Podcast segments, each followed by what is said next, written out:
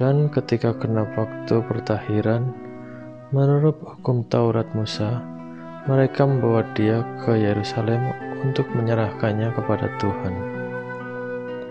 Seperti ada tertulis dalam hukum Tuhan, semua anak laki-laki sulung harus dikuduskan bagi Allah. Dan untuk mempersembahkan korban menurut apa yang difirmankan dalam hukum Tuhan, yaitu sepasang burung terkukur atau dua ekor anak burung merpati. Adalah di Yerusalem seorang bernama Simeon. Ia seorang yang benar dan saleh, yang menantikan penghiburan bagi Israel. Roh Kudus ada di atasnya, dan kepadanya telah dinyatakan oleh Roh Kudus bahwa ia tidak akan mati sebelum ia melihat Mesias yaitu Dia yang diurapi Tuhan. Ia datang ke bait Allah oleh Roh Kudus. Ketika Yesus, anak itu dibawa masuk oleh orang tuanya untuk melakukan kepadanya apa yang ditentukan hukum Taurat. Ia menyambut anak itu dan menatangnya sambil memuji Allah, katanya. Sekarang Tuhan biarkanlah hambamu ini pergi dalam damai sejahtera sesuai dengan firman-Mu. Sebab mataku telah melihat keselamatan yang daripadamu, yang telah engkau sediakan di hadapan segala bangsa, yaitu terang yang menjadi penyataan bagi bangsa-bangsa lain dan menjadi kemuliaan bagi umatmu Israel.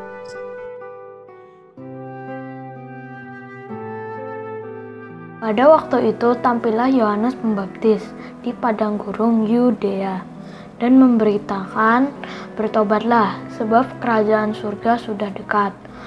Sesungguhnya dialah yang dimaksud Nabi Yesaya ketika ia berkata, "Ada suara orang berseru-seru di padang gurun, persiapkanlah jalan untuk Tuhan, luruskanlah jalan baginya."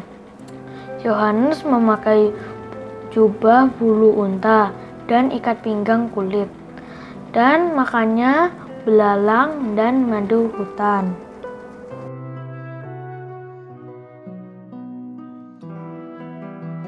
Hari ini 40 hari setelah Natal. Kita merayakan pesta Yesus dipersembahkan di Bait Allah. Pesta ini berakar pada tradisi Yahudi. Sebagai anak laki-laki sulung, setelah 40 hari kelahirannya, Yesus dipersembahkan oleh orang tuanya kepada Allah. Bacaan pertama hari ini kita berbicara secara langsung ramalan akan kedatangan Yesus Kristus.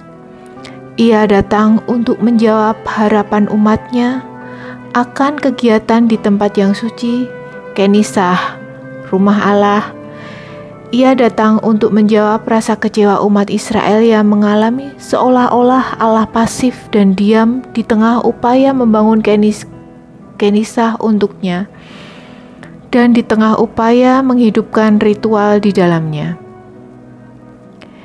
Yesus akan masuk ke dalam kenisah.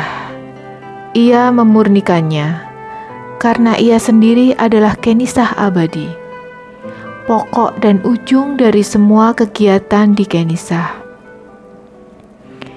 Dalam Injil, Yesus oleh Simeon dianggap sebagai keselamatan yang datang dari Allah untuk semua bangsa.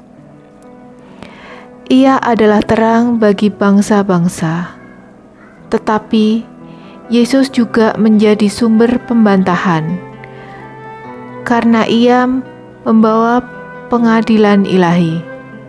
Karena itu, bagi Maria akan muncul pedang yang akan menembus jiwanya.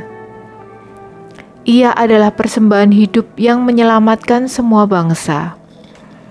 Ia menghidupkan kegiatan iman di Kenisah sekaligus menunjukkan dalam dirinya sebagai Kenisah semesta yang merangkum semua Kenisah. Ya Tuhan, semoga kami mau mempersembahkan hidup kami kepadamu. Amin.